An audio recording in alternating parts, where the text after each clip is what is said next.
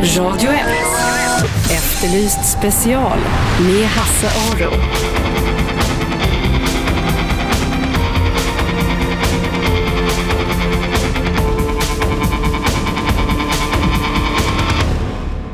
Välkomna till Efterlyst special så här sista fredagen före julafton. Ni som har följt den här programserien under hösten här vet ju att jag varje fredag försöker få en fredagsgäst som jag ägnar hela timmen åt. Och det har varit fantastiskt kul att träffa alla möjliga människor från polisfackets eh, ordförande till författare, författarinnor, poliser och andra. Och jag tänkte att vi skulle ägna den här sista fredagen åt att lyssna på några av dem igen. Och jag tänkte vi skulle börja med en författarinna, Tove Alstedal. Tove har skrivit två böcker. Den första heter Kvinnorna på stranden. Den andra heter I tystnaden begrav. Den andra kommer precis, eller har precis kommit ut som pocket. Och det var den jag läste inför mitt samtal med henne och det var en fantastiskt bra bok. Den börjar med ett mord som deckare ofta gör men den utspelar sig i Tornedalen. Den blickar tillbaka också och blir någon slags historisk exposé över Tornedalen och de som från Tornedalen flyttade till Sovjetunionen. De var socialister eller kommunister i Sverige och trodde att paradiset fanns i Sovjetunionen. Någonting de bittert skulle erfara inte stämde. Så det här finns också med i hennes berättelse. Den första boken fick väldigt bra kritik. Den andra boken, I tystnaden blev begravd, blev eh, nominerad till Årets svenska deckare men den vann inte. Och så här berättar Tove själv om eh, I tystnaden begravd. Eh, ja, det finns ju flera spår i boken. Den utspelar sig i Tornedalen framförallt, ska jag säga, som är den trakt där min mamma kommer ifrån, på gränsen mot Finland. Och eh, en del i det här, varför jag ville skriva boken, är att jag alltid har velat skriva Tornedalen. Det är, ett Sverige, det är Sverige, men ett annat Sverige. Det är inte den här eh, vanliga klichébilden av Sverige som förekommer ganska ofta med det lilla idylliska samhället där ondskan plötsligt står ner och alla står och säger förvånat hur kunde detta hända här? I Tornedalen har man haft en helt annan historia. Kriget har varit mycket närmare. När min mormor växte upp så var det Ryssland, tsarryssland på andra sidan älven.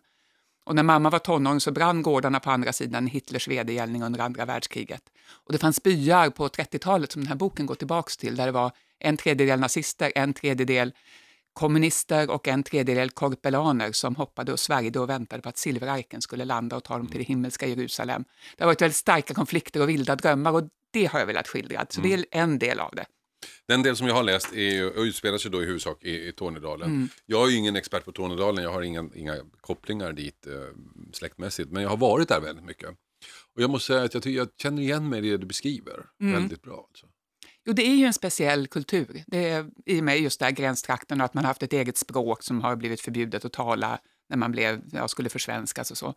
Det är väldigt mycket som har präglat det som gör det annorlunda mot om man bara flyttar sig några mil inåt landet. Mm. Och just att det är en gränstrakt också. Den här boken börjar ju med att en, en uh, kvinna, uh, hur gammal hon är vet jag inte, men ganska ung uh, får man anta, åker upp till hennes mamma håller på att dör. Så hon åker upp till, till Tornedalen för att sälja hennes hus. Och där snubblar hon över sin familjs historia. Mm. Och så skriver bland annat om just om kommunismen och folk som åkte från Tornedalen till Sovjet. Ja, precis, precis. Sökte lyckan i Sovjet. Ja, precis. Och det är den stora historien i boken kan man säga. Det började egentligen med att jag för några år sedan stod och bläddrade i en pocket i, en, i affären som handlade just om det här, reportagebok av Kari Eneberg och fick syn på ett namn bland de som emigrerade till Sovjet och försvann under 30-talet. Och eh, jag kände igen efternamnet, det var min släkt, det var samma by som min släkt kommer ifrån, men jag hade aldrig hört talas om historien. Därför att det här var så nedtystat. Mm. Det var en sån skam, man åker inte till paradiset som man då trodde att det här var och kommer hem och berättar att det inte fanns. Och eh, ja, det var ganska många som emigrerade just från norra Sverige. Det var finska kommunister som propagerade för att man skulle emigrera till Sovjet, vara med och bygga Stalins rike och arbetarnas paradis och så. Och det var ju, hade varit börskrasch i USA, i Amerika köade man till soppköken, här var det 30 procent arbetslöshet. Det var klart att man gärna plockade upp en dröm av någonting annat. Mm. Många åkte ju, som, som du berättade, och för att sammanfatta, det gick åt helvete. Det gick åt helvete, det gjorde ju det. Ja, och det vet vi ju idag, men det visste ja, ju inte de. Nej. Och jag ville verkligen gå tillbaka till deras drömmar, vad de ja. tänkte och hur de såg För det det tycker jag är ganska bra beskrivet i den här boken, man förstår varför de åkte. Ja, precis. Det är ju jättelätt att säga idag att det var väl dumt. Ja, Men det var lite dumt. Ja, det var lite de- dumt, men det vet man inte För de som förväg. åkte, de var idealister och de drömde om en, en, ett annat samhälle. De kommer från samhällen med djupa klyftor och här skulle Mm. byggas det nya samhället där det inte skulle finnas några klyftor. Alla skulle få det de behövde och sådär saker. Och så kommer de dit och i början så får de vara med och bygga men sen blir de ju misstänkliggjorda där. Precis, sen så började Stalins terror hårdna. Och eh, dels blev utlänningar ju väldigt misstänkliggjorda, vilket faktiskt alltid händer i hårda tider, även här. Och även på, ja, i stort sett överallt på jorden. Så fort det hårdnar så börjar man smutskasta utlänningar. Och det gjorde man där också, men då var det ju svenskarna som var utlänningar och finnarna. Och misstänkliggjorda. Och eh, man skulle, det höll ju på att rustas i Europa. Andra världskriget var i antågande sakta men säkert och så. Så att det, ja, terrorn hårdnade ju kort sagt och väldigt många blev orättvist anklagade för att vara spioner eller statsfiender och skickades till arbetsläger eller avrättades. Och många återvände ju hem också, han ju återvända hem till Sverige, men då som sagt teg ofta resten av sina liv om det här. Så det var inte förrän på 70-80-talet, där- när de var väldigt gamla, de som hade varit där, som historierna började berättas lite grann. Eh, du, nu handlar inte boken bara om det här, det ska, det, men jag tyckte det var väldigt intressant och bra, bra, bra skildrat, den här delen av, av svensk historia. Boken utspelar sig i nutid. Och som alla de här eh, deckarna så är det ju ett mord. Ja, precis. måste man ju ha. ja, men måste precis. ju börja där med ett mord. Det måste jag, det är ju det som förenar deckarna, även om de kan vara väldigt olika annars. Men hur mycket, mycket research har du gjort? Eh, Jag gör väldigt mycket research. I stort sett allting researchar jag. Jag vill att det ska, det är ju fiktion, men jag vill att det ska vara så trovärdigt och ligga så nära sanningen att man känner att det här faktiskt händer på riktigt och har hänt på riktigt. Så till exempel de här äh, Sovjetberättelserna och det som också utspelas i det moderna Ryssland, det har jag researchat oerhört noggrant. Och eh, jag utgår ofta från verkligheten i mina idéer också. Som sagt, det här var en släkthistoria som jag har gjort om väldigt mycket, men det finns i botten. Och det här mordet på den här skid, en skidstjärna som begås i början, en av de här äh, 30-40-talets stora skidstjärnor, då var ju Sverige fullkomligt ledande inom längdskidåkningen, för vi hade de här männen från skogarna i norr som skidade två mil till jobbet och två mil tillbaka hem igen. Och satte man ut dem i spåren så sopade de banan med De alla tränar, andra. de tränar inte ens. Utan det Nej, var nej, nej, liksom- det var ju liksom, nej, det fanns ju inga träningsläger och skidskolor och sånt där i dravel. Det, nej, nej, nej, utan det var bara ut och åka. Och norrmännen hade liksom inte rest sig riktigt där efter krig och sådär än. Eh, och det bygger också på verkliga historier Mm. om att det var flera av dem där som efter de här fantastiska framgångarna isolerade sig i koja i skogen, ungefär som den här mannen gör, som bor på den här gården som blir ihjälslagen i början. Mm. Och det tyckte jag också var spännande historia, varför man väljer bort det här rampljuset och offentligheten och allt det här som vi tycker, som är väldigt populärt idag, som Mm. så många traktar efter. I boken så träffar, träffar då huvudpersonen en man som åkte till Sovjet. Och hans berättelse tycker jag är väldigt levande. Finns han? Finns den? Har du träffat någon? Nej, han finns inte. Han finns inte. Men finns det någon förebild? Eh, det finns många förebilder. Alltså jag har ju samlat, jag har ju lyssnat igenom många vittnesmål. Alltså de här är ju döda idag tyvärr, så att jag har inte kunnat... Eh, jag fick göra honom ganska ung när han åkte och Mm. Ja. han har överlevt ganska länge också. Han sitter och envist överlever i en tvåa på Malmudden i Luleå och vägrar dö, för han Mm. vet att någon kommer att göra profit på hans lik när han dör och sälja ut lägenheten som bostadsrätt. Mm. Eh, så att eh, jag har inte kunnat träffa dem tyvärr. Det finns några som var barn då som lever Mm. idag, men annars har de flesta... Men det finns samlat på band, mångas vittnesmål, så att eh, de är sammanpusslade, de här karaktärerna, av de verkliga resenärerna kan man säga. Ni lyssnar på Efterlyst special här i Radio 1. Sista fredagen före julafton. Sista fredagen för säsongen för Efterlyst special. Och jag går igenom lite grann eh, tidigare fredagsgäster jag har haft här i programmet. Intressanta människor som jag har haft förmånen att träffa när jag gjort det här radioprogrammet. En av dem som ni lyssnar på nu är Tove Alsterdal. Tove och jag var kollegor en gång i tiden men sen har hon eh, valt en annan eh, karriärväg än jag. Nu har hon eh, kommit ut med två böcker. Den första heter Kvinnorna på stranden, fick väldigt bra kritik. Den andra, I tystnaden begravd, eh, har precis kommit ut på pocket. Den utspelar sig i Tornedalen. Det är en fantastisk historia måste jag säga. Språket i hennes böcker, eller i den som jag läste i alla fall, är väldigt kort, effektivt och snabbt. Och då kan man ju tro att hon skriver snabbt, men hon berättade när hon var här att i själva verket var, är det precis tvärtom. Ja, jag skriver ju inte så fort då, utan jag skriver Nej. ju ganska långsamt. Ja. Ska försöka prata långsammare kanske också. Nej, det tar ju tid, alltså det tar ju två och ett halvt, tre år för mig att skriva en bok. Jag Ja. gör ju som sagt mycket research också och jag är ju Ja. noggrann. Alltså jag, jag vill verkligen att det ska vara så bra som den här personen kan åstadkomma just nu. Mm. med det här ämnet. Att verkligen göra det så gediget jag någonsin kan. Så att just själva skrivandet tar mycket tid. Sitter du länge med formuleringarna? Ja, det gör jag ibland och ibland så ruschar det på. Men jag går tillbaka mycket och jobbar om och sådär. Jag skriver om ganska mycket. Mm. För, Och, för när man läser är det väldigt flyhänt, liksom, Mm. som, om, som om det Men det är väl som en bra, en bra sångare, det låter enkelt. Ja, just det. Kan man säga. Men ibland, ibland så ruschar det på, ibland så får man jobba mycket. Det Mm. går inte att förutsäga. Det är olika helt enkelt. Vad handlar den första boken om, den som jag inte har läst? Kvinnorna på stranden, den eh, handlar om eh, modernt slaveri kan man säga, i hjärtat av Europa. Eh, den började som en eh, bild bara av en död människa som flyter i land på en strand och ingen jävel bryr sig. I kriminalromanerna så brukar det bli ett väldigt ståhej när det flyter i land döda människor. Men eh, jag utgick också här från verkligheten och då är det inte alltid så. Det beror helt på var den här stranden ligger och vem som flyter i land. Och I den här boken så är det då i södra Spanien, Tarifa, som är Europas sydligaste utpost. Och personen som flyter i land är svart, vilket händer då ganska ofta när människor ska ta sig över från Afrika och in i Europa. Och eh, jag ville skriva den här stranden och krocken där, för det är ju samma strand dit vi åker. Den här svenska tjejen, Therese i boken, åker för att sola och bada och få en snygg solbränna. Och så finns det en tredje karaktär i boken då, som heter Alice som kommer från New York som eh, är och rotar i eh, den här historien på olika sätt. Så att deras liv och öden korsas på den här stranden och också en kvinna då som kommer över från Afrika. Deras spår korsas och världarna krockar och så. Så det var utgångspunkten till historien. kan säga. Är det, men den är helt fristående, de hänger inte ihop på något sätt de här? Nej, de hänger inte ihop. Det finns en liten, liten tråd som du kan... Nej, du har inte läst den första. Nej, Nej, nej, nej. men läser man båda så finns det en liten, dyker upp en liten karaktär som Men du har, som en ingen, du har ingen given hjälte i dina böcker? Nej, jag har inte det, utan det är historierna som får styra. Och den här historien utspelades som sagt i södra Spanien, eller ursprunget är där. Sen spretade den iväg på många andra håll i världen och Europa. Och den här Tornedalen, det hade varit väldigt krystat att ta Ally från Kvinnorna på stranden och tvinga henne upp till Tornedalen. Ja. Fast en del deckare är ju krystade, alla utspelar sig i samma lilla ort i Sverige där de rent statistiskt har ett mord var 50 år. Sådär. Ja, men jag ville ju inte vara på en liten ort i Sverige. Jag vill liksom, det är liksom inte min hemmaplan. Jag har, eh, min släkt har flyttat runt så mycket och jag är uppväxt eh, från Tornedalen till Värmland, till Skåne, till Stockholm och eh, jag hade känt mig låst med en liten ort, utan det är historierna som styr och den Mm. historia som brinner i mig får utspela sig där den ska Din utspela förläggare sig. hade inga synpunkter på det, att du inte, hade, att du inte har en hjältinna? Eh, ja, han skulle säkert inte ha något emot att jag skrev en Nej. serie, för det är ju väldigt populärt. Men å andra sidan så är det så många som gör det och jag, tycker, jag gillar själv kriminalromaner som är singlar, som är fristående. Eh, där man verkligen får en stor historia och inte behöver bekymra sig om huvudpersonens privatliv förr eller senare, utan det är Men den också- här historien. Ja, och, och, och historien handlar egentligen om något annat än det här mordet som sker i början. Ja, det, det är bara en precis. ursäkt för att få igång den. Ja, eller en liten del av det, eller en trigger för att sätta igång historien, men att den sen får växa och bli riktigt stor. Så sa Tove Alstedal när hon var här, författarinna, och eh, vi pratade om hennes senaste bok eh, som nu kommer ut i pocket, I tystnaden begravd. Ett bra julklappstips kan jag rekommendera.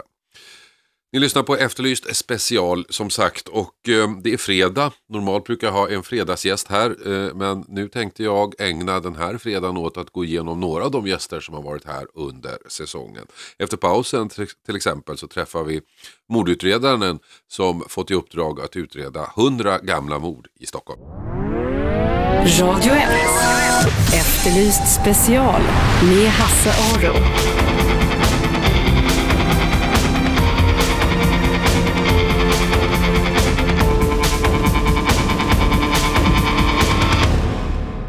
Välkomna tillbaka till Efterlyst special denna fredag. Ja, jag ägnar ju den här sista fredagen före jul åt att eh, reprisera en del av de gamla intervjuerna jag gjort under säsongen med fredagsgäster. Nu tänkte jag vi skulle lyssna på Bertil Salin som är mordutredare och som fått i uppdrag att starta en så kallad Cold Case-grupp i Stockholm. Alltså en grupp som ska koncentrera sig på gamla mord som ännu inte klarats upp. Det här gör man efter att Leif GW Persson och kriminologen eh, Mikael Rying presenterat en rapport där man konstaterar att det finns drygt 400-430 ouppklarade mord i Sverige. Av de här så tror eh, GW Persson och Rying att en tredjedel inte går att klara upp men de andra skulle man kunna titta på. I Stockholm finns det nästan 150 fall som man nu gjort en lista på. Och det är alltså Bertil Salin som ska leda arbetet med de här. Och han håller med om att ungefär en tredjedel av dem går väl bort i Stockholm också. Ja, det tror jag. Det är ganska rimligt. Så att Ja. Och jag jag tittade igenom de här som finns, ja, en besiktning av de här så att säga. Det var 30-tal av de här. Där, där är de misstänkta döda och det finns ingen annan gärningsman på plats och så vidare. Och i, I regel kanske det var ja, det vi kallar för fyllmord och så vidare. Eh, sen finns det väl eh, ungefär 30 som är prövade i domstol också. Då. Och de blir svåra. Och där, där, alltså, där det fanns en gärningsman som polisen tror är Precis. rätt men Ja. som av olika skäl inte blev fälld i, i domstol. Precis, precis. Och sen, de kan ha blivit fälld för något annat brott i samband men inte för mord utan den står kvar som öppen då. Mm. Det finns väl några som är uppklarade från listan så att säga. Det är ja, inte en handfull men någonstans där. Och eh, sen är det ju några som, som vi kommer upptäcka förmodligen att de är preskriberade. Trots att det, det är som det är. Men det gäller de som begick gärningen eh, när de var under 21 år. Mm. Det är fortfarande 15 år så att det finns några stycken som, som kan gå bort. Vi har några intressanta ärenden också där du har en gärningsman, misstänkt gärningsman som då i brottet kanske var 16 år men polaren, kamraten, medgärningsmannen var 27 kanske. Mm. Och det är lite spännande. Mm. Men när du går igenom listan då på de här eh, morden som är ouppklarade eh, och tittar på utredningar, vad är det du tittar efter då? Och det vi gör på de här genom att det är mängden, eh, det är ju strax under 150 stycken och, och eh, det fylls ju på, det är från 07 så det kommer att fyllas på 08, 09 0 och 10 och så vidare. Så att det finns ju olika modeller framtagna i, i, i världen från USA och Kanada med olika faktorer som, som talar om att man ska, hur man ska titta på det här. Och de här kan man banta ner till, till tre, tre moment så att säga. Då. Det första, fa- första som man gör det är att titta på har det blivit förändrad teknik? Tycker man pratar om SKL och, och fingeravtryck också med, eh, vad det gäller ammunition och hylster och så vidare. Det finns också då om man tittar på, kan man göra någonting åt bättre analyser, typ telefonanalyser utav ärendet idag? Det finns andra operativa eh, verk så att säga, hjälpmedel som, som kan tyda saker på ett mycket bättre sätt idag. Va? Sen eh, får man väl också titta på eh, om det har förändrats i relationer mellan människor. Har det, har det blivit så att, att eh, man har skilt sig kanske från ett äktenskap och, och det finns sådana fall där, där, där vi vet att, att eh, det är två personer som känner till då kanske en gärningsman. Va? Eller har det blivit relationsförändringar i, i kriminell miljö också då? Då får man ju också titta på att okej, här finns det en sportslig öppning på. Du menar att någon som har gett någon ett alibi tidigare kanske inte Precis, har det samma lojalitet längre? Precis, det har blivit brustna lojaliteter, det uttryck är korrekt som vi brukar använda också. Mm. Det är väl främst de grejerna som är nå- någon form av framgångsfaktor. Va? Sen finns det ju de här som är helt borta och det är väl de här som, som, som är prövade i domstol. Där, där kan man inte lägga ner allt lyse på en gång till om det inte finns något speciellt. Vi är tvungna att titta en gång till så att man inte har missat någonting. Men jag vet ju att det krävs väldigt mycket för att, att eh, ta upp dem igen. Så att säga. Men det låter som arbetet i alla fall inledningsvis är väldigt mycket läsa och väldigt mycket välja bort. Ja, men det är ju det som eh, vi kallar det, det första som jag tänkte göra i så fall för en inventering. Och det är ungefär som Bengt Svensson, rikspolischefen Bengt Svensson säger då, att, att eh, man ska gå in och hitta struktur- strukturerade former för att titta igenom vad finns det för någonting och göra under eh, en, en, en längre tid. Plus att man då ska ha resursen tillgänglig. Och eh, då går det, det går kanske att göra på ett år. Alltså själva inventeringen. Sen får man ju se, fastnar någonting under resans gång, då får man ju ta det på en gång i så fall. Men, Och du menar om du hittar någonting Precis, i en här- utredning, då kör ni precis. på den direkt alltså? och det, den här Kalla fall-rapporten då från Rying och Leif GW, den innebar ju också att, att eh, SKL får göra en översyn. Eh, hur, hur ska de prioritera? Vad ska vi skicka in som håller på med i landet då? För att Skåne och eh, Göteborg har ju ganska mycket utav de här typen av värden också. Och, och har ju, du har ju nämnt flera gånger hur många vi har så att man inte bara skickar in en massa skräp ibland som man vet att det här blir ingenting utan chansar och skickar in. Utan där är jag med i en arbetsgrupp som kommer att innebära att det blir prioriteringar innan man skickar in saker och ting. Mm. Ni lyssnar på Efterlyst special och det ni hör är en intervju jag gjorde tidigare med mordutredaren Bertil Salin. Bertil Salin ska leda den nya grupp som ska försöka klara upp eh, gamla mord i Stockholm som ännu inte klarats upp. Det finns ungefär 150 stycken gamla mord ouppklarade. En tredjedel av dem går bort av olika skäl så det blir väl ett hundratal kvar ungefär berättar Bertil Salin.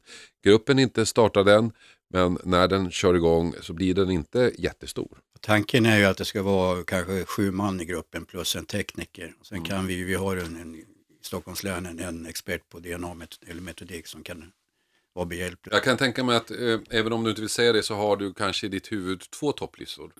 En, en, eller ni kommer att få två topplistor. En med mord där, när ni går igenom det som ni ser är möjliga att lösa. Precis. Och sen har ni en, to- en topplista med mord som ni vill lösa. Och det är inte säkert att de är detsamma. Nej, så är det. Det, det kan jag hålla med på det sättet. Ja. Det är tankemässigt så, så självklart att det finns. Men det jag kan hålla med dig att det finns två.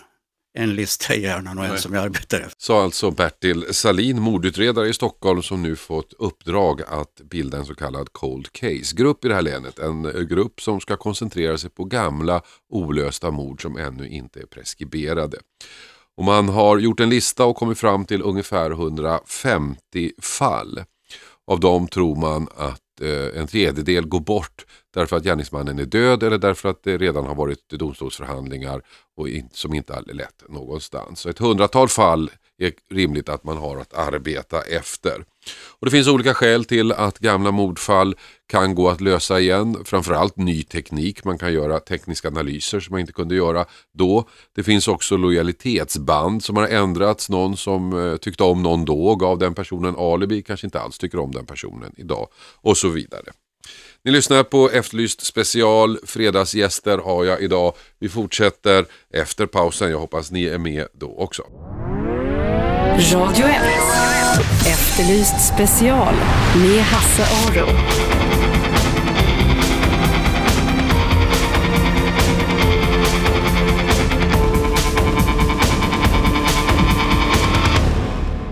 Välkomna tillbaka till Efterlyst special. Jag sitter ju här och botaniserar i fredagsgäster jag haft under säsongen. Och en av dem är ordförande i det som brukar kallas för Sveriges starkaste fackförbund. Och man brukar säga om den ordföranden att den har lika stor makt som rikspolischefen. Det går inte att genomföra några förändringar i polisorganisationen utan att ha det här fackförbundet med sig. Jag pratar naturligtvis om Polisförbundet det fackförbund som organiserar nästan alla poliser i hela Sverige. Polisförbundets ordförande Lena Nitz var här för några veckor sedan och eh, hon medgav att Polisförbundet är ett starkt fackförbund. Polisförbundet är väldigt starkt och det handlar väl mer om att vi är eh, en, eh, har väldigt hög medlemsanslutning och vi är en kår som är ganska speciell och eh, har eh, ja, ja, stor påverkan på våra arbetsgivare. Men kår som är ganska speciell, menar du då? Alltså det, alla vet väl vilka poliserna är och vi har ju en speciellt uppdrag så på det sättet är vi ju speciella kan jag tycka. Man, sagt, man har sagt i, i mm, mellan skål och vägg att den som är ordförande för Polisförbundet har lika stor makt som rikspolischefen. Stämmer det? Ja, det, kan, det är lite svårt för mig att svara på faktiskt, det måste jag säga. Men vi har en väldigt stor påverkan och det är väl därför som vi anses vara väldigt starka också. Ja, för att ni, ni, alltså när det gäller polisverksamheten så, så, går, så måste man ha med er, annars blir det liksom inga förändringar, annars blir det ingenting. Det blir, går nog hemskt mycket trögare, det kan jag säga. Ja. Eh, Eh, Lena Nitz är alltså gäst här ikväll i eh, eh, Efterlyst special, ikväll, idag menar jag, nu på dagen mellan 12 och 1 ska vi köra. Eh, Lena berättade att vi hade skakat hand tidigare, någon gång på mitten av 90-talet. Eh, det är inte så konstigt eftersom jag har som en liten grej när jag gör Efterlyst att jag skakar hand med alla poliselever som är där. De som bemannar växeln är nämligen poliselever. Och så skakar jag hand med alla. Det är en slags, eh, dels för att vara artig men också en liten så här, om jag inte gör det så går det nog åt skogen den, den kvällen. Så att jag brukar göra det. Eh, och jag tror jag har eh, svensk rekord i att skaka hand med poliser. Jag har skakat hand med de flesta poliser. Och det här var 94, då gick du i, skola, i polisskolan alltså? Mm. Precis, jag satt där som eh, eh, elev eller student, polisstudent då ja. och och det gick bra ut. den kvällen. Det gick bra den. Kommer Ja. du ihåg vad vi hade för fall? Eh, nej, men däremot så kommer jag ihåg dig naturligtvis och Brynolf Vän. Brynolf, ja. Då var det länge sedan. Eh, nej, jag kommer inte ihåg dig. Nej. Men ni var, ni var ett gäng där, kan jag tänka mig. Vad hände sen då med dig? Då, då, då, var du ny, då, då gick du ut sen året efter eller samma år? Ja, jag gick ut Från 96, polishuset. Ja. gick jag ut och var klar. Och då blev jag, då blev jag närpolis. Mm. Det första jag blev och jag jobbade där som som det några år och så vidare. Och sen så eh, blev jag ju kriminalpolis också på slutet. Mm. Och spännande fall? Ja, alltså, eh, alltså det finns så många spännande fall och eh, det är svårt att ta någon av dem. Men ja, mycket blandat måste jag säga. Mm, mm. Polisyrket är ju, kan ju vara oerhört spännande, men det är oftast, även om man är utredare, har jag förstått med åren, inte så spännande som folk tror. Alltså det beror ju på hur man ser på det, för även eh, om man säger de små eh, vardagliga eh, fallen kan faktiskt vara spännande också. Det är ju personers öden och personers liv som man kommer in i och varje person är intressant i sig. Så det håller jag inte med om riktigt. Nej, nej vad jag menar lite grann om jag ska försöka förtydliga mig, att när man, folk ser på, just när det gäller mordutredningar till mm. exempel, mm. som det görs massor med filmer om. När man ser hur det går till på tv så tycker man att det verkar lite spännande, men i verkligheten är det inte alls så så spännande med en mordutredning. Det är, det är ett ganska systematiskt arbete som liksom innehåller oerhörda, eh, en stor del av den går åt just att systematisera saker och ting. Ja men så är det ju och, och eh, det, det finns båda spännande delar och, och, och, mer ospännande delar. Alltså det här med det mer administrativa och man gör inre spaning och man gör slagningar på datorn och så vidare. Eh, till att man träffar just de personer som har begått de här brotten. Mm. Så däremellan är det ju en skala på spänning om man säger så. Ja. Vad tycker du gör en bra utredare? En bra utredare är en nyfiken utredare som är intresserad av hur andra personer fungerar och också hur eh, helheten utav det lilla brottet eh, hänger ihop med andra delar. Så att eh, en bra utredare är en nyfiken, eh, intresserad och eh, engagerad. Mm. Hur orkar man då som polis hålla det här uppe?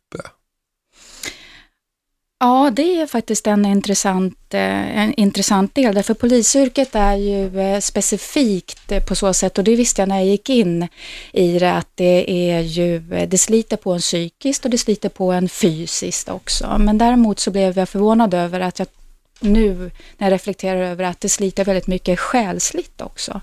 Mm. Och där gäller det ju att vårda både, alltså att hålla uppe en mentala engagemanget.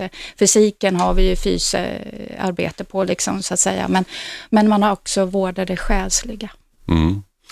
Folk frågar mig, eh, om, eh, jag har ju hållit på rätt länge, liksom hur man påverkas, vad är det som liksom är det som är främst? Och det, det som jag säger är att jag är inte förvånad över att folk är onda, för det visste jag redan innan jag började med det här. Det som eh, mera har slagit mig är att folk är så goda.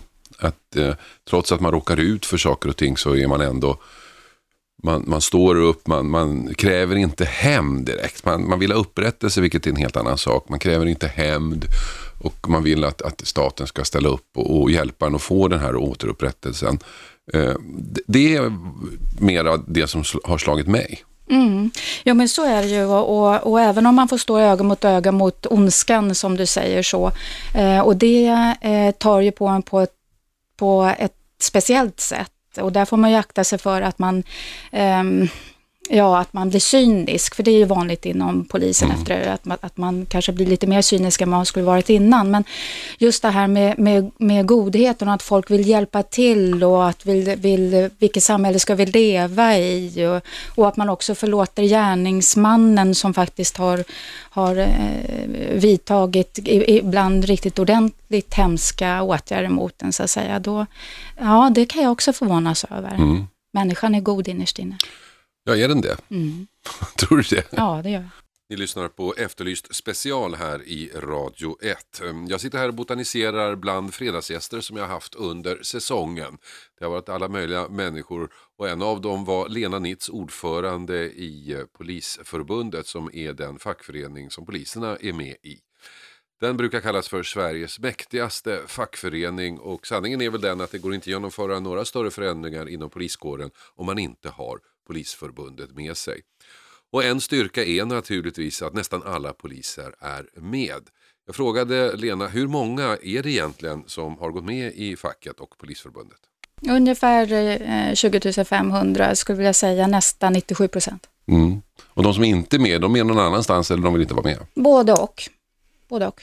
Finns det ett problem att ni organiserar både så att säga vanliga poliser och hela kedjan upp?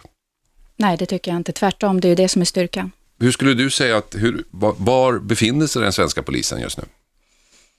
Eh, ja, vi, be, vi befinner oss i att vi är ganska omruskade just när det gäller eh, den hårda kritik som har varit eh, gentemot våra, våra utredningar under en lång tid. Och, där vi jobbar febrilt med att ta reda på vad är det som är problemet för att då kunna ta nästa steg till hur ska vi göra för att komma ifrån det.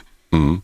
Det har ju varit en diskussion eh, och till och med justitieministern gick ut för någon vecka sedan och sa att det här är inte okej. Okay. Ni har fått betydligt fler resurser de senaste åren. Ändå så klarar ni upp allt färre brott. Mm. Vad är problemet? Ja, alltså det, det, om det är en om det bara fanns ett enda enkelt svar på det så skulle ju liksom det vara klart. Va? Men det finns inte det. Jag tror att det finns en massa delsvar på det som tillsammans i sådana fall ger en bild av vad, vad det skulle kunna vara för någonting. Eh, det finns många spekulationer, alla har sina förklaringar på vad det här är för någonting och eh, några av dem stämmer också eh, enligt mm. mitt sätt att se det. Det ena är ju att vi genomgår en generationsväxling just nu, att det är många av våra erf gamla, erfarna, eh, riktigt duktiga utredare som går i pension. Och därmed försvinner liksom en, en, eh, en kompetens som man har fått ja, under flera år. Och vi, polisen är ju en, en, en kunskapsintensiv eh, organisation. Men sen har vi också pumpat in väldigt många nya och det är ju jättebra, men det tar ett tag att få upp erfarenheten och den borde komma nu snart, för nu, mm. eh, nu är det ju ett tag sedan vi har fått in dem, fem, sex, sju, åtta år någonstans där. Mm. Ehm, det är den ena förklaringen. Den an, eh, en annan förklaring har ju också varit alltså hur tittar man på statistiken och hur har man styrt eh, polisen under många år. Och det här med att utredningsverksamheten har varit kritiserad är inget nytt de här senare åren utan läser utredningar från början på 2000-talet så, så har problematiken funnits redan där. Ja, men det som är, det som är lite graverande, att det blir bara sämre. Just det, det blir bara sämre och, och eh, då får man titta på hur man har ledit eh, det här genom, genom den här tiden. Mm. Mm. Alltså det, det Polisförbundet säger i alla fall, det är att alltså vi måste göra ett riktigt bra jobb för att få medborgarnas förtroende. Vi, vi är helt beroende utav det. Och för att kunna göra ett bra jobb eh, så måste vi ha rätt förutsättningar. Den ena delen är den här omorganisationen. Det är därför mm. som du nämnde tidigare då, att vi är positivt inställda till mm. den. Eh, och den är ju på gång, så det är ju en stor fundament tal byggsten som kommer att sättas på plats. Men det där är ju alltid svaret när det är problem, omorganisation. Och det är få mm. myndigheter som organiseras om så mycket som poliskåren. Ändå blir det inte bättre. Nej, och det kan man väl också säga att omorganisationer i sig är inte svaret på allting. Den här omorganisationen är ju ändå den största sedan eh, förstatligandet mm. 65 och vad det handlar om egentligen det är ju att eh, få ordning och, och, reda på styrningen på svensk polis. För ja, det, det som händer nu är att allting, alla polismyndigheter plus ja. eh, Statens kriminologiska laboratorium slås ihop till en enda myndighet. Ja.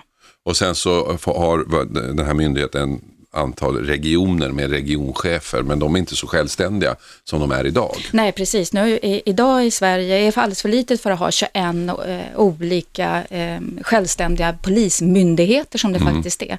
Och som styrs då av eh, 21 eh, länspolismästare.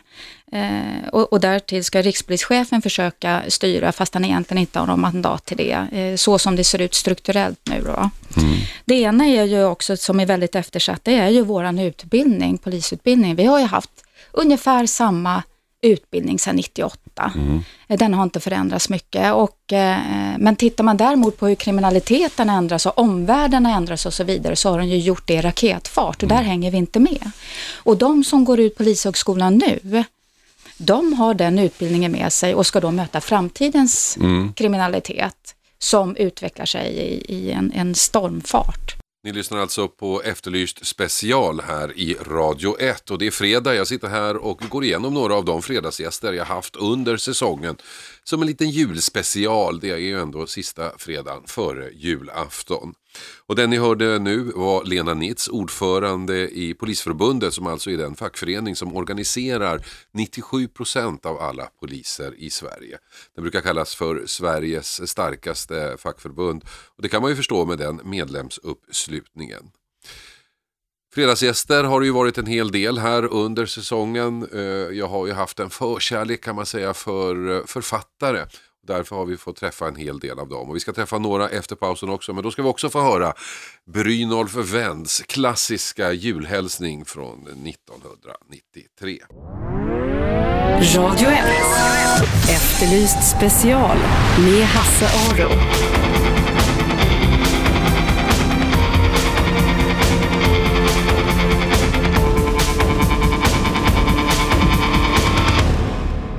Välkomna tillbaka till Efterlyst special så här sista fredagen före jul. Jag har ju ett litet potpurri här idag av gäster, fredagsgäster jag haft under säsongen och för några veckor sedan var författar, deckarförfattarduon Butler och Örlund är här. Dan Butler och Dag Örlund. De har gett ut sju böcker tillsammans. Den senaste heter Återvändaren och den som återvänder är deras ärkeskurk och psykopat Kristoffer Silverbjälke. Vi kommer att prata om huruvida man kan inspireras av verkligheten och då gav jag killarna ett litet uppdrag.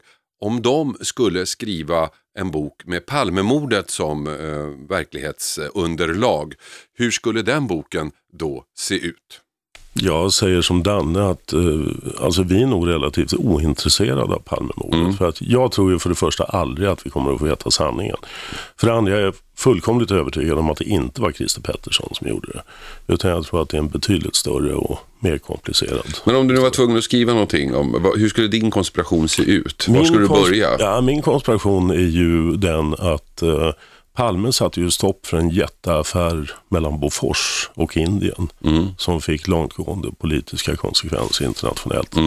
Eh, och jag tror, vare sig det var någon i den sfären som knäppte honom eller någon annan, så tror jag att det här eh, har med ett stort politiskt perspektiv att göra. Men vad skulle, då, vad skulle man tjäna på att... Ja, alltså Palme var ju oerhört kontroversiell och han Mm. ställde ju till med saker eh, på olika sätt Mm. och yttrade sig i frågor som var storpolitiska och internationella.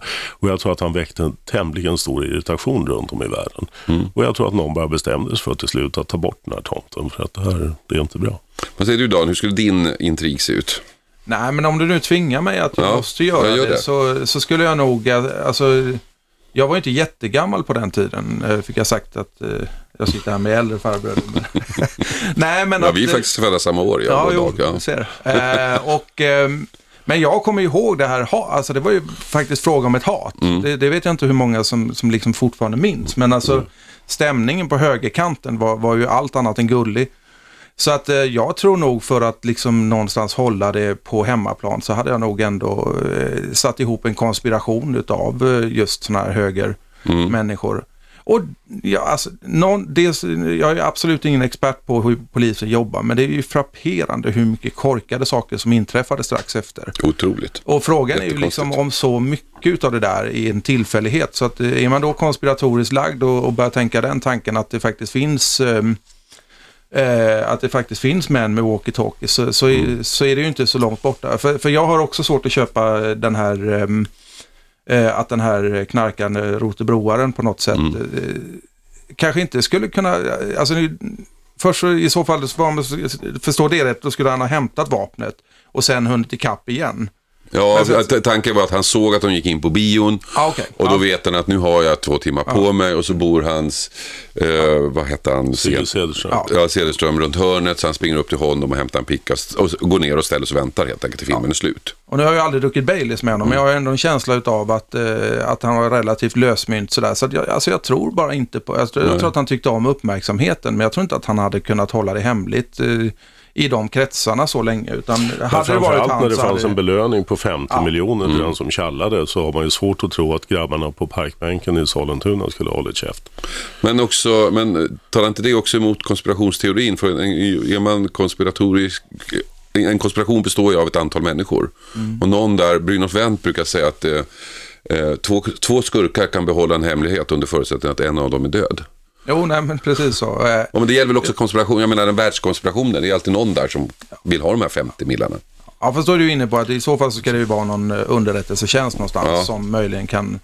Eh, men annars, det, det ska väl vara då om, eh, om någon så, pass högt upp i samhället har så mycket att förlora så att, eh, så att pengarna inte är en tillräcklig källa till...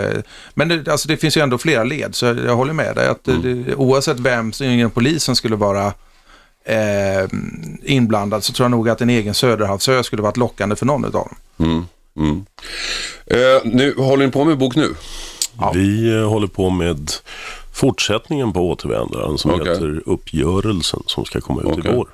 Och då är Silverbjälke med, utgår jag ifrån då? Silverbjälke är i toppform, absolut ja. toppform. Mer än, som han brukar säga, är på ovanligt gott humör och då ja. vet man att man ska hålla sig undan. Hur långt har den kommit? Eh, råmanuset är faktiskt precis färdigskrivet så mm. att vi ska gå in i en redigerings fas. Jag tror att jag har ett helt unikt jobb i litteraturvärlden. Jag sitter just nu och läser vår kommande bok för första gången. Mm -hmm. Ja, men det tror jag också. Ja, jag har jag ju tänkte på det, men ni sitter ner, ni sitter i 14 dagar, ni håller på. Och, men sen går du bara där som en farsa och väntar på att din gravida hustru ska förlösa på något sätt. Ja, lite grann. Det kommer ju så här små eh, funderingar, liksom, hur mm. gör vi med det här? Så det är mm. klart att vi har diskussion. Men jag vet ju inte riktigt eh, åt vilket håll Dag har tagit grejen alltid. Jag har hittills aldrig haft någon större anledning att säga att äh, du, till mitten är det okej, okay, men sen får vi riva upp det för att det funkar fan inte. Alltså, det, det, har inte det har inte hänt ännu, men det, det, det, är faktiskt en otrolig njutning för mig att få sitta ner och se vad det blev av det här. För att, det är lite som när man gör barn.